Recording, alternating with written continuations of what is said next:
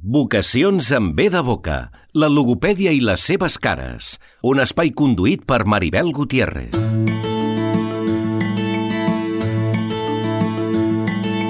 Molt bon dia, migdia, tarda, vespre o nit, sigui quin sigui el moment del dia en què ens estigueu escoltant. Soc la Maribel Gutiérrez i us dono la benvinguda un cop més a l'espai de logopèdia que us oferim des de Ràdio Silenci, la ràdio municipal de la Garriga. Avui ens centrarem en aquell moment tan fantàstic en el desenvolupament dels infants com és l'aparició de les primeres paraules, de l'explosió del llenguatge, de com ocorre, de quan i de quina manera l'entorn hi juga un paper importantíssim. I per parlar-ne, tenim el plaer de comptar a l'altra banda de la línia telefònica amb la Núria Segura. Benvinguda, Núria. Gràcies per compartir amb nosaltres aquesta estona. Com estàs? Moltes gràcies a vosaltres. Uh, bon, bon dia. Uh, molt bé, bé, eh? aquí començant el nou any amb, amb nous projectes, uh, però molt bé i molt agraïda de col·laborar en aquest podcast tan interessant. Moltes gràcies. Uh, com fem sempre, uh, us demanem que us presenteu una miqueta. Qui és la Núria Segura? Mm. Bé, doncs la, jo sóc um, logopeda, eh? mm, prèviament eh, um, bueno, vaig a, a estudiar el tema d'educació infantil, tal, però bueno, em va, em va motivar més l'aspecte aquest de, del desenvolupament del llenguatge, vaig estudiar logopèdia, soc, eh, bueno, m'he anat especialitzant perquè al final veus no, amb l'experiència que, que la vida eh, laboral ho necessites perquè la logopèdia és tan àmplia um, i eh, bueno, m'he especialitzat en eh, trastorns orofacials, de motricitat orofacial, respiradors eh, vocals, eh, eh, insuficiència ventilatòria nasal, uh -huh. eh, devolucions eh, disfuncionals, atípiques eh, i la part també, eh, sobretot, d'estimulació del llenguatge amb nens eh, bueno, doncs en, en primera infància i les últimes eh, eh, especialitzacions eh, arrel de pandèmia i de tenir i d'investigar, doncs eh, cap a l'àmbit aquest de la logopèdia neonatal, mm. eh, la logopèdia amb els més petits de la mm. casa, tant a nivell, doncs això, no? de lactància, alimentació, de totes les funcions orofacials que, que, que tracta no? I, que, i que engloba l'ésser humà en, en aquest sentit. Eh? Déu, Déu-n'hi-do, déu nhi déu Núria. però, avui, però avui, avui parlarem amb tu només d'una part de tot això. Eh? Parlarem de la parla i del llenguatge en els més menuts de la casa. Cal dir que per començar i deixar-ho ben clar des del principi, que parla i llenguatge no és el mateix. A vegades socialment es confon, no? Uh -huh. Sí, sí, perquè, bé, aviam, aquí doncs eh, sen, són com, és comunicació, no? Eh, I aquí tenim, no?, el, el, quan és eh, llenguatge, quan és parla. Eh, vindríem a dir no, que la parla és eh, com la màquina, mm? l'engranatge, les rodes, no? tot el que, el que fa que esdevingui eh, doncs, el, el fet de, de, de construir frases, de tenir vocabulari, no?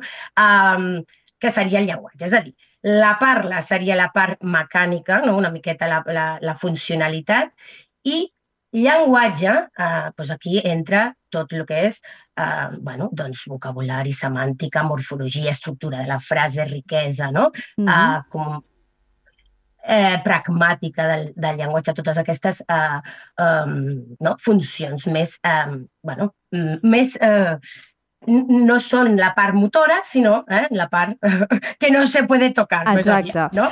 Podríem dir, clar, podríem dir, Núria, que, i simplificant molt, eh, que la part és la materialització del llenguatge, el llenguatge és eh, el nivell abstracte de, de la comunicació i la parla és allò que podem eh, detectar a nivell oral o fins i tot llavors eh, traspassat a l'escrit també? Exacte. Podríem, exacte. simplificant molt, eh? Simplificant molt. Uh -huh. Sí, exacte. Llavors, uh, exacte, la, la parla és el que no?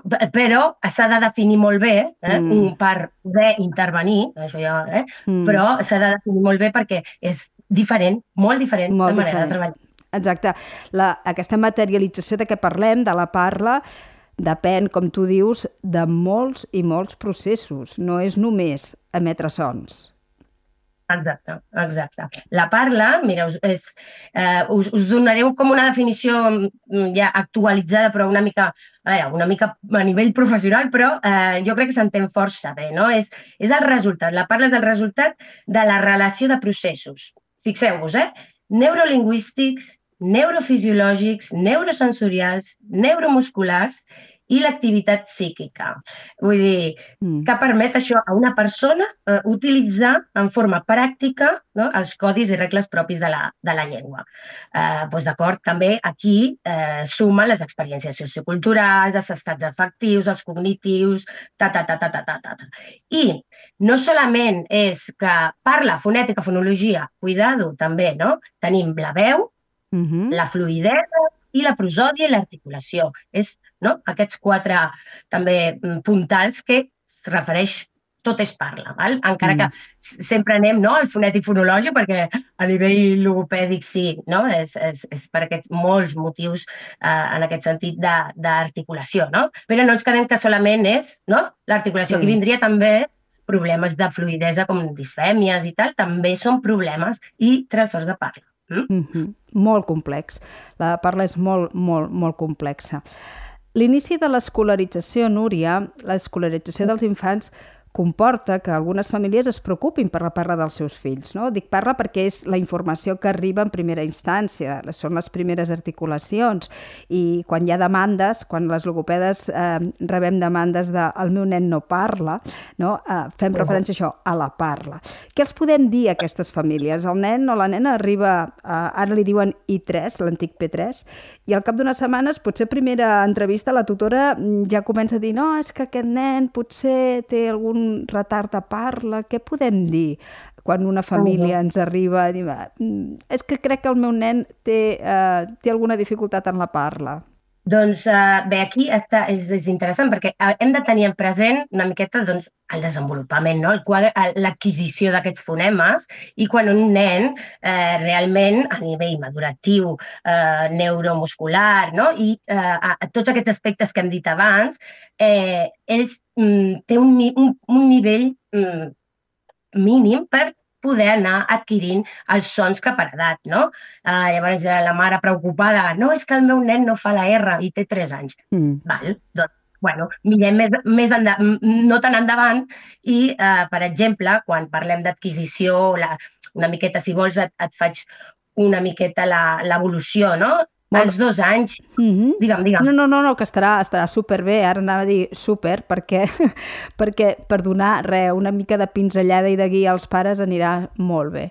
Sí, sí. Exacte, i també el que, a veure, com, com el que també crec que la pregunta següent, o, o, és a dir, una miqueta uh, aquests processos de simplificació, quan són normals i quan no comencen a ser normals, no? De, eh, vale, confon aquest i aquest, però no? una mm. miqueta sobre, sobre això. Llavors, uh, l'evolució aquesta d'aquests sons, no? quan té dos anys un nen pot ser capaç de, de, de dominar les vocals, les -hmm. vocals, eh? imagina't. Eh? Llavors pot ser que a la resta de fonemes hi hagi alteracions. Sí? Mm. Uh, als tres anys és quan hi ha com aquest boom no? de, de sons que en aquest cas uh, es van adquirint i al, als tres anys la M, la N, la N, la Ñ, la P, la T, la K, la B, la D, la G, la F, la S, la X, la eh, J, la X i la L. Imagina't, Imagina't. els tres anys. Sí, Llavors, sí. Aquí què ens trobem? Pues, bueno, hi ha molts nens amb, amb, amb, bueno, amb dificultats aquí, que canvien, que ven... Bueno, mm, llavors als 4 anys aquí incorporem la R simple a inici de síl·laba, a inici de paraula.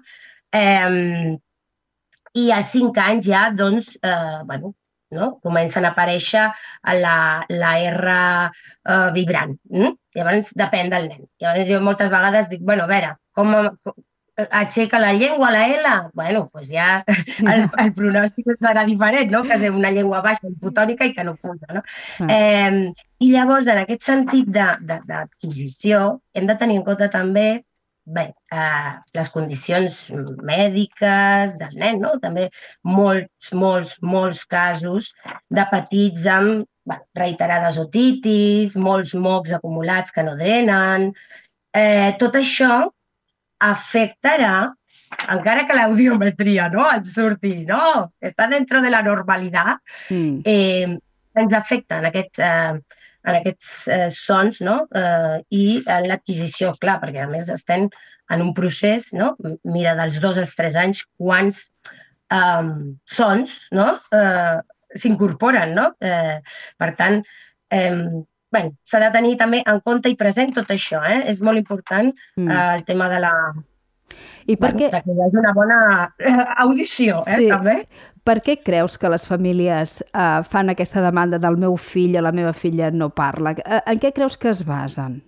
En què no coneixen, aquesta, en què no coneixen aquesta evolució que ens estaves explicant ara, aquest calendari? Pot ser una mica de tot, pot ser exactament que no el coneguin i com la mamà preocupada que als 3 anys, doncs eh, això, fa una S però la diu Z, no? interdental. Bueno, doncs és un procés eh, de simplificació fonològica no? i que eh, hi ha en principi, eh, eh, sí, hi ha un bon model no? al qual eh, se li dona, et veu ella a la boca, a poc a poc no? hi ha sons i, i processos que eh, s'han d'anar... Llavors, si no es coneix, no? Eh, no, és que no diu la R als 3 anys. Bueno, mm, una seria això. I també l'altra, bueno, doncs, eh, eh, coses de, de l'ambient que puguin estar interferint en aquella boqueta, com hem dit també coses de salut, eh, aspectes eh, eh de salut, que els pares doncs no relacioni. No? Eh, ah, és que si, si té deglució típica pot ser que tingui problemes amb, la, amb, amb, amb el llenguatge, et diuen. Mm. No, no, amb el llenguatge no, però amb la parla potser sí, mm -hmm. no? Mm-hmm. O amb la sonoritat de la veu, el que dèiem, no? La veu. Mm. Mm. Llavors, mm. bé, eh, és una mica, una mica d'això i que mm, bé, potser no investiguem prou o hi ha pares, no? Veus amb les, les dues vessants, eh? Veus pares que no es queden amb la primera cosa que els diuen, sinó que ells, RQR, investiguen per, per tot arreu i hi ha pares que, bueno, mm, confien a la primera, no? Uh, mm. Com el pediatre als tres anys, no, als dos anys no parla, doncs ja parlarà tranquil·la i es queden aquí. Mm. Clar. Clar, jo també estic pensant, per exemple, que a, a, a mi m'arriben també a vegades, en algun cas, de, de famílies que diuen és que el seu germà a la seva edat ja parlava, o ah. és que el seu cosí, o és que els nens de la seva classe... Clar, jo suposo que és en la línia que tu dius, no? que s'ha de fer també pedagogia amb els pares en el sentit que no tots els nens són iguals, no porten el, el mateix ritme, i sobretot a les primeres edats, eh, un any és molt de temps Uh, no? Si no és el mateix un, un nen nascut al gener que un nen nascut al setembre, a l'octubre, al novembre, i s'ha de donar temps. Uh -huh. I potser en aquesta societat en què estem ara, que tot és molt ràpid, tenim molta pressa per tot, ten, també tenim pressa perquè els nens uh, uh, parlin. Um, sí, sí. Digue'm. Perdona, perdona, que m'he tallat. No, però em trobo, per exemple, no, eh, igual en, en, el, en el sentit de o tenir la paciència no? o el, o el mm, coneixement de que perquè un nen aprengui, tant si es parla com llenguatge, eh, es requereix de repetició i paciència, no? No mm -hmm. és... requereix temps a l'aprendre a parlar i, i a comunicar-se, no? I tant. Eh, no tinc nòvio. Clar, um, el nucli familiar, o sigui, l'ésser humà, Núria, és sociable per naturalesa i necessitem de la resta no? per desenvolupar-nos i, evidentment, els nens petits evidentment, evidentment. Eh, el primer nucli social d'un infant és el seu entorn més immediat, és a dir, la família, després l'escola. Segons tu, què és o quin és l'aspecte més important dintre del nucli familiar eh, que pot afavorir aquesta, aquest desenvolupament del llenguatge i la parla? Bé, primer de tot, eh, donar un bon model, sí. Um, i tampoc insistir en el nen en què digui, en què repeteixi, jo sempre dic, no? Uh, la, la fórmula, uh, en aquest sentit, tant en, per si vols no? uh, estimular el que és el llenguatge, tant si vols estimular el que és la parla, baixa el seu nivell, adapta't a el que pugui estar fent, perquè doncs, el que tu li puguis no? intentar eh, estimular o demanar eh, li sigui de més agrado, però a, a la vegada esteu, no esteu en situació de treball, eh? et poses a mm. jugar mm. i que sobretot et vegi boca i que sobretot um, tu puguis donar aquest bon model de, de, de parla. Sí? Mm. Llavors, eh, depèn no? de, de l'edat del nen, però jo sempre dic, en un bebè, des de bebès, doneu eh, tant si és amb onomatopeies, com en cançons, com amb parla de, de lo que estàs eh, fent en aquest moment amb aquell nen, doncs donar-li l'opció d'escoltar tots els sons mm, que té la, la parla, o en aquest cas la llengua en la que li estàs eh, parlant, perquè els quatre primers mesos de vida d'un bebè és com. una esponja de sons, no? Mm. Uh, i, i, I més enllà, no? Però aquests quatre primers mesos, jo sempre R, pa, pa, pa, pa, és tot el... No? Uh, juga amb els sons i, i, i presenta-li uh, a nivell eh, mm, com dic, no una pantallita, eh? no, no un yeah. so que tingui d'edat, sí. sinó que et pugui veure la cara, posar-hi, eh, sobretot també parlo molt de les quatre Hs, no? bueno, eh, en castellà quatre Hs, però és eh, parla menys, però eh, parla a poc a poc, no? amb un bon model, uh, uh, parla amb èmfasi eh, i, si pots, li dones un referent visual, sigui doncs, un pictograma, sigui un objecte, sigui un gest, sí? acompanyar aquest so o um, que li estem no? intentant uh, estimular doncs, amb un gest uh, que, que signifiqui i també una opció que ens agrada molt amb els, amb els petits uh, um, és l'adquisició bueno, a través d'una caixa de sons, eh, mm. tant una caixa de sons vocàlics com de sons consonàntics, doncs els ajuda no, a tenir aquest referent visual, aquesta, que el so no marxi, no, perquè el so el dius i no es veu i ja se n'ha anat, sinó que tinguin doncs, un so que el puguin tocar. Eh, un so, per exemple, no? eh, és a dir, una joguineta, un objecte que ens eh, mm, vingui no? o ens recordi o eh, faci un so com el d'aquella eh, aquella el fonema. No? Per exemple, no sé, doncs, eh, o que t'esdevingui aquell, aquell fonema o aquella col·locació de llengua. No? Per exemple, la R la tenim, doncs, és un, és un ninot que d'aquests que li fas la corda i frrr, vibra tot. Eh? Uh -huh. Llavors, bueno, és una manera de eh, tenir els sons allà no? i que no marxin. D'associar. També és, és una molt bonica manera de, de, de poder-ho tenir a casa també, eh? no, Clar. no és tampoc difícil. Sí, uh, escoltant-te estava pensant que a vegades uh, infantilitzem la nostra pròpia parla quan parlem amb bebès o amb nens petits. Uh, tu creus que ens entenen millor els infants si parlem amb diminutius i onomatopeies? Uh, ja no parlo de bebès, bebès, eh? però a vegades, no sé, nens de uh, 18 mesos, dos anys, que encara, no? Anem amb el guau-guau i el miau-miau. um, què diríem? Què podem dir als, als adults que s'adrecen així als nens pensant que, que hi arribaran abans, que els entendran millor, que, que estan establint una comunicació òptima. Què, què, què els diries, Núria? Mm, doncs jo els diria que més que infantilitzar, no, seria um, enriquir eh, tot aquell bueno, um, discurs oral que tu puguis dir, no? que el pots dir, hola nene, com estàs, què tal? O, hola nene, què tal? Com va? Què fas? Però no cal, ai, mi nino pitito, no, no, no, no, no? Això no caldria, sinó però el bon model, eh, és a dir, tu parla amb paraules eh, que tu di, dius normal, no, no, no perquè sigui petit. Uh, la gràcia de les onomatopeies és aquesta melodia, és que al final mm. els nens quan tu tens no, aquest, um, o li dones una mica d'èmfasi, aquesta, no, aquesta prosòdia, no, i, mm. i, i enfatitzar, pues, el que dèiem, si vols aquest so s'adapta, no? Mm. Eh, Fer-li més a poc a poc, enfatitzar-lo, posar-li uh, la cara perquè no? eh, connecti, eh, però sense haver d'utilitzar mm, uh, vols xixi o vols uh, bibi? Yeah. Mm oh, vols carn o... Ah, Llavors, o el nen agafa la paraula perquè li és més fàcil Vivi, evidentment, i tu ja et quedes amb el Vivi. Bueno, no, doncs és un biberó, no? O, mm -hmm. Llavors, bueno, aquí jo diria que més que infantilitzar seria doncs això, no? Posar-li melodia, una miqueta i, i gràcia, yeah. però amb paraules amb bon model. Mm? I ara t'obriré aquí un... I perdona, perdona, Digue'm. amb frases curtes, no vulguem fer una... No? Perquè ens pensem aquí que comencem a parlar amb els nens, els, els nens necessiten frases curtes, no parlis tant, també seria una bona... Una, un, un una bon bona consell, un bon consell.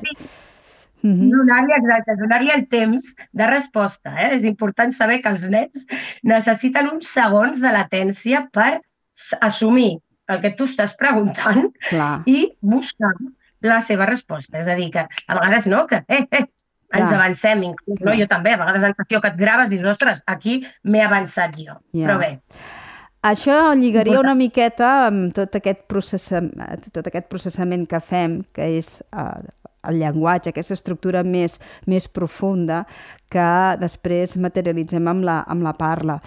Um, pel que fa al llenguatge, uh, què ens pot fer pensar que un nen o una nena té dificultats en l'adquisició del llenguatge? Parlo de llenguatge, eh? Estructura més profunda, val? una cosa més abstracta, en, i que té dificultats això, en altres aspectes del seu neurodesenvolupament.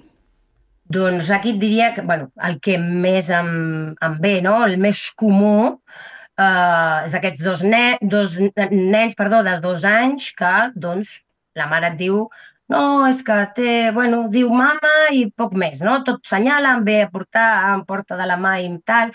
Um, cuidado aquí, no? Als dos anys és com... Perquè abans es poden veure coses, eh? Uh -huh. Però, uh, bueno, mm, com?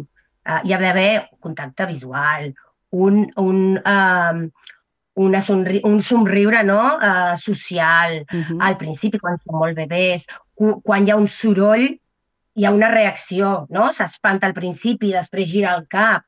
Tot això, si un bebè prèviament tu veus que no fa tampoc balbuceig, cap tipus de so, no? El cap, a partir dels uh -huh. 3-4 mesos. Uh, no hi ha aquest go, go, go, no hi ha aquest contacte. Hi ha una uh, una irritabilitat o al contrari, no? una passivitat extrema, cuidar-ho. No? Són nens que abans dels dos anys has, has, uh, o tens algun tipus de diagnòstic, no? Uh mhm. -huh. però em trobo molt en això, no? que aquests dos anys, nens que la fita tan famosa no? de les 50 paraules en repertori i que comenci a unir, és a dir, a fer frases de dos elements, mama, vine, vull aigua, no? Eh, molta gent es sorprèn que als dos anys mm, això hagi de passar.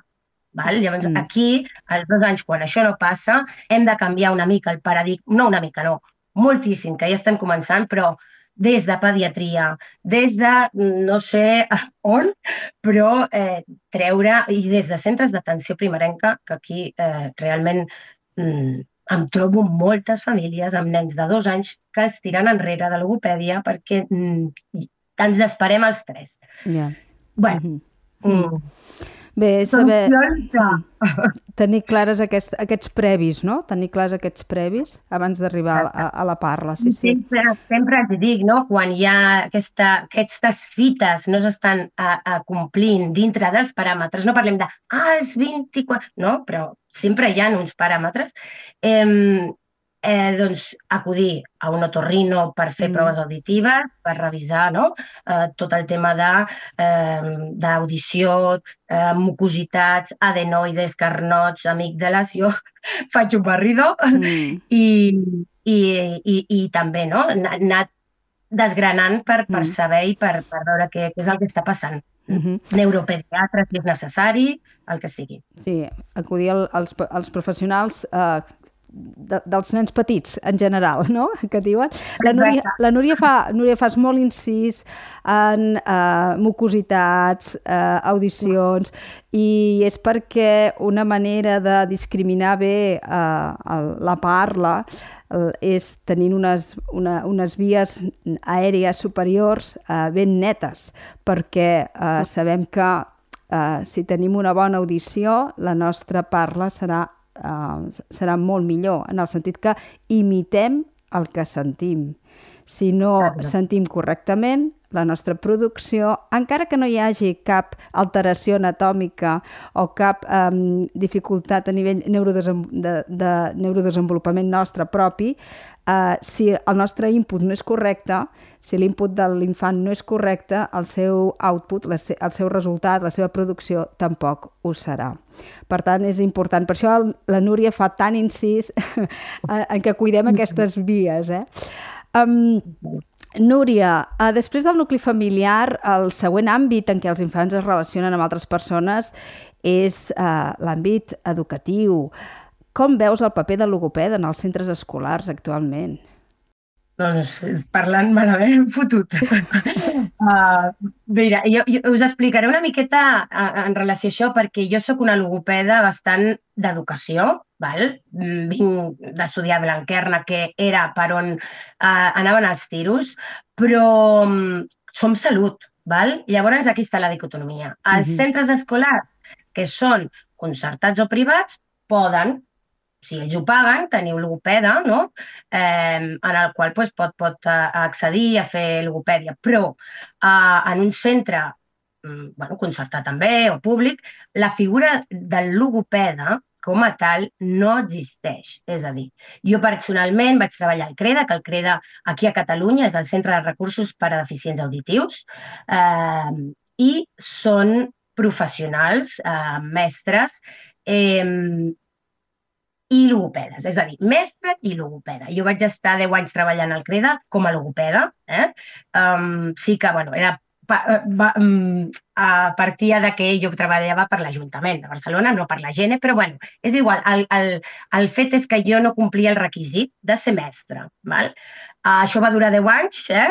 mm. però bueno, les, les normatives uh, es van posar més rígides i el logopeda com a tal surt d'educació. No pot eh, exercir en un centre educatiu un logopeda que sigui logopeda. Ha de ser mestre o psicòleg, o, mm, val? però eh, com a tal, al CREDA uh -huh. hi ha referents mestres only amb la mm, menció d'audició i llenguatge alguns, uh -huh. uh, però mm, bueno, és, un, és, una, és una pràctica que jo eh, estic cansada de denunciar el Col·legi de Logopedes, si mm. m'ho permets, ja sí, que aprofito. Sí, sí, sí, sí. perquè es firmen informes i documents sortits del CREDA com a professionals logopedes quan mm, doncs, a vegades són substitutes de mestres de, de, de música. D'acord? Yeah. Llavors, uh, cuidado amb això. Ja sabem com està tot lo públic, però, mm. clar, sí. és que M'estàs dient, Núria, m'estàs dient, Núria, que en el CREDA hi ha professionals de l'educació que no són logopedes, que signen com a logopedes, i que un logopeda, si no és mestre, no pot treballar en una escola? Exacte. Vindria a ser això. Per què? Doncs perquè en el moment en què la diplomatura de logopèdia es va crear, eh, eh, la, hi havia anteriorment, eh, eh, des de Magisteri es va crear com, eh, bueno, aquesta, aquesta figura del Magisteri d'Audició i Llenguatge, el mestre d'Audició i Llenguatge, perdó, l'ESMALL, no? que mm. eh, eren les que suplien tota aquesta dificultat de llenguatge i comunicació a les escoles. Però quan va sortir la figura del logopeda i es van crear i es van posar en estamentos, ta, ta, ta, a nivell estatal no ens van eh, col·locar a educació, ens van col·locar a sanitat, a salut. Uh -huh. Llavors, aquesta dicotomia no? de salut i sanitat, ai, de sanitat i d'educació, de, és una lluita que el Col·legi de Logopedes porta bueno, pues fent, i clar, com cada quatre anys canvien governs, yeah. és com tornar a començar. tornar a començar no. sempre, sí. Exacte. Mm. Llavors, com són dos departaments, eh, és com des d'educació et diuen no, no, és que qui entra a l'escola ha de conèixer el currículum, qui entra a l'escola ha de conèixer... bueno, hi ha fisios que entren a l'escola, hi ha psicòlegs que entren a l'escola, hi ha infermeres que entren a les escoles. Vull dir que eh, no sé, eh, és a dir, com que tenen aquesta figura de mall, ells es reforcen en què és, ha de ser la mall que ha de fer aquestes intervencions a les escoles. Però les malls, de veritat, mm, l'especialització és de sis mesos. Ja. Yeah. Vull dir, és que, clar, partint d'aquí, doncs, mm, i partint no, de que dintre d'un estament com el CREDA, que és un, mm, la veritat us diré, és un servei de luxe, de luxe, perquè tu vas a l'escola i et treuen el nen de la classe i et fan una sessió individual amb el criu de 45 minuts mm. o una hora. mm. mitja hora, el que sigui. Mm. Eh, dos dies per setmana. Depèn de la, de, de, de la... Que hi ha molta llista d'espera, sí, que prioritàriament, evidentment, van els nens amb sordesa, discapacitat auditiva, d'acord? Però a partir d'aquí engloben i agafen trastorns de llenguatge, el que, el que, el que bonament compleixi requisits. I els que es queden en llista d'espera, d'acord? Mm. Però és un servei tan um, elit, o sigui, tant d'elit a la vegada, perquè és com el que faig jo a nivell privat, que agafes el nen i el treball és individual, que mm, fins a quin punt no, eh, tu pots donar de fer aquest servei a una persona que té un magisteri, sí, però té una especialització de música o d'anglès o mil professionals que venen de València perquè aquí ja no hi ha malls a llistes. Perquè la gent se'n va a fer o logopèdia o magisteri, no? Però si vols fer eh, i vols treballar com a logopeda en una escola, hauràs de fer logopèdia i especialització de, de, de magisteri de, a Mall, suposo. Bueno, jo no ho he fet. Moltes companyes del CREDA ho, han, ho van acabar de fer. Mm. Jo, R que, R que jo soc logopeda i no soc yeah. mestra, i evidentment pues, per això vaig sortir, mm. no? Però, bueno, m'he buscat Tu parles, de, parles des, de la teva, des de la teva experiència, no sé, desconec si això és a tot el territori català, no ho sé, no ho sé, eh? Passa a Barcelona, amb això t'ho dic tot. Ja. Yeah.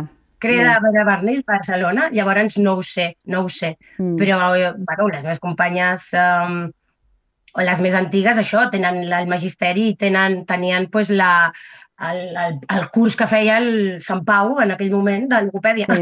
Sí, sí. sí. I bueno, Bé, això ens donaria, ens donaria per uns quants uh, podcasts més, eh, Núria? Però, mira... Hem d'anar acabant, Núria. Hem d'anar acabant.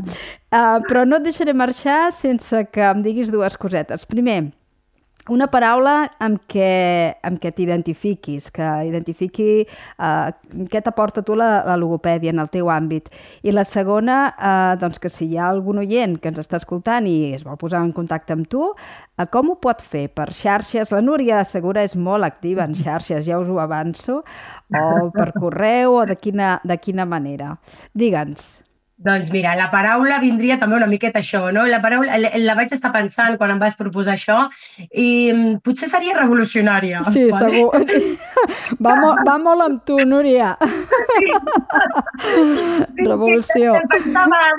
Sí, però revolucionària jo crec que és més que imaginativa i tot això, perquè tant a nivell doncs, d'intervenció com de això, no? de portar la logopèdia uh, de manera diferent, mm, pues així, a, a les xarxes socials em podeu trobar mm. uh, tant a Instagram com a nuria.kids, uh, a TikTok també nuria barra baixa kids i ara mateix us animo perquè eh, bueno, m'he endinsat en el món de Twitch, eh, que són aquests canals de streamer, i um, vull, bueno, la idea no? és poder crear allà una comunitat de famílies, professionals, tant de l'àmbit de la logopèdia, de la magisteri, tots són benvinguts, estudiants, que l'altre dia ja n'hi havia, a Twitch hi ha molta gent jove, i eh, és la que també no, a, a poder, poder enganxar doncs, perquè sàpiguen i per, perquè preguntin i perquè no, coneguin una miqueta el món laboral i estem a Twitch, a, també Núria barra baixa Kids,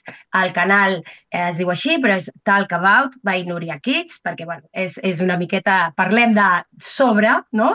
Sobre mm -hmm. el que, el que I abans ens trobem cada dilluns en directe a les 8 del vespre, però bueno, amb la idea d'anar ampliant per temàtiques i cosetes interessants que van sorgint i us animo pues, a seguir i si sou subscriptors, doncs encara amb més, amb més doncs, eh, aspectes eh, individuals o més personalitzats directament amb mi, de, dels interessos o de les necessitats que, que cada un tingui. No? no és fer teràpia, no és donar formació directa així, però bueno, mm, algun tip, alguna, alguna ajuda, alguna coseta que jo, jo us pugui pues, mm, personalment eh, ajudar més. No? Llavors, és una via més per, per obrir el món de la logopèdia i, i que es conegui mm, pues, arreu, no? Sí. Intentem. Doncs molt bé, Núria, no pares, no pares. Um, doncs amb bé, aquest... si voleu dir el mail també, mm, és nuriakids.logo arroba gmail.com, aquí també podeu doncs, escriure i explicar una miqueta la casuística que, que, us, arri... Eh, bueno, que us ha fet arribar a mi i encantada que doncs, la gent eh, confiï en mi, la veritat. I, I la Núria us atendrà super, super bé. Ara sí, ara marxem amb aquest esprit revolucionari de, de la Núria. Uh, marxem, estem molt agraïts que, que hagis acceptat aquesta invitació, Núria, uh, uh -huh. per parlar de comunicació en els més menuts som conscients eh, que ens falta temps, però potser, escolta, potser més endavant eh, hi tornes i ens en parles d'altres àmbits eh, en què estàs treballant. Eh? I ens parles d'aquests... Sí, de com et va tota aquesta xarxa que estàs, que estàs muntant. Moltes gràcies, Núria. Una abraçada molt, molt i molt gran. I a tots els que ens heu escoltat, doncs moltíssimes gràcies per la vostra atenció. Recordeu, marxem amb Revolució, de la Núria Segura. Fins aviat, cuideu-vos.